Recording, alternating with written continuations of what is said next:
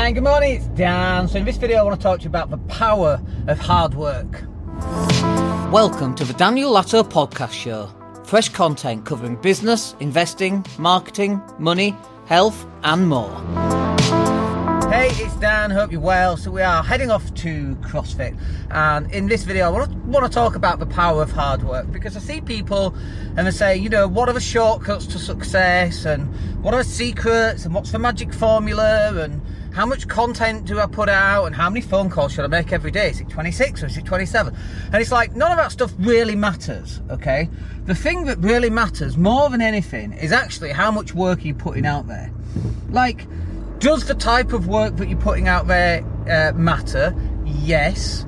But even if you're creating, I don't know, let's say five videos a day, five one minute videos every single day for the next 30 days, is that hard? Yeah. Can you do it? Yeah. Are you going to get some results from that? Absolutely. And if you did that every day for the next 30 days, and then you did that for the next 12 months, your life will be transformed. And it's this power of hard work. It's not these shortcuts. You'll learn the shortcuts along the way. And it's a combination of putting the time and effort in, taking the action, doing the work, right? And then also, alongside that, you've also got to be doing some of the learning. And some of the learning is like reading. Yeah, you got to read. Uh, it's watching YouTube videos. It's listening to podcasts. So, for example, if I need a little bit of motivation, um, I can listen to a Gary Vee podcast, for example, right?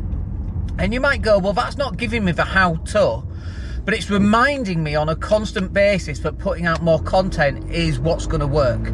I might listen to Grant Cardone. It might not be that I'm listening to Grant's message specifically, but just his mannerisms and the way that he puts himself out there and his positivity in the world. You might not necessarily agree with some of his views. Um, but you can agree with his positivity and his kind of can do attitude. And it's this can do attitude that's going to lead you to a greater level of success. And it all comes down to hard work. There is no getting away from the fact that you're going to have to put the hours in. And sadly, uh, in this world that we live in, you know, we, we go on YouTube and it's the top five secrets to working four hours a week. You know, um, can't remember the name of the guy, but the guy that created Tim Ferriss, who created the four-hour work week. Like, I get what he was saying, systemizing everything, having a team in place, you know, and so on. But just because you just because you're outsourcing everything doesn't mean you also only work four hours a day. Imagine outsourcing everything, 10x in that four hours, not a day, four hours a week, and working 40 hours a week with a team that can do all the grunt work, all the muscle work as we call it. Imagine that, and then imagine the results that you're going to get. And it just comes down to hard work. You know, I'm sure you've, you've heard that saying. Uh, I can't remember exactly. It's something like um, um, uh, hard work be more important than talent. And I can't remember a saying, I can't remember it, but it's absolutely true. You look at Kobe Bryant, right? Kobe Bryant obviously had a lot of talent. But unless he got up and trained, you know, from four o'clock in the morning, I'm sure you've heard that one as well. He'd get up at four and go and train. He'd go back, he'd have some breakfast, he'd recover, then he'd train again. And he would end up training four days, uh, four times a day, right? Whereas other NBA players might train once a day and then, you know, once in a weights room, and that was it. And over a five year period, the difference between what he was doing, what other people were doing, was great. And it all comes down to hard work. Even though the person had all the talent in the world, without the hard work to implement that talent, he wasn't getting anywhere.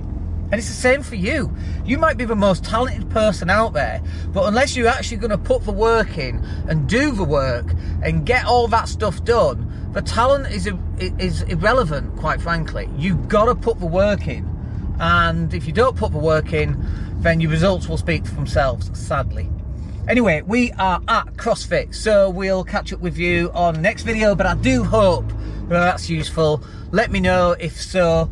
If you can't be bothered working, let me know about that as well. I'd be interested to know why. And uh, we'll see you on the next video. Take care.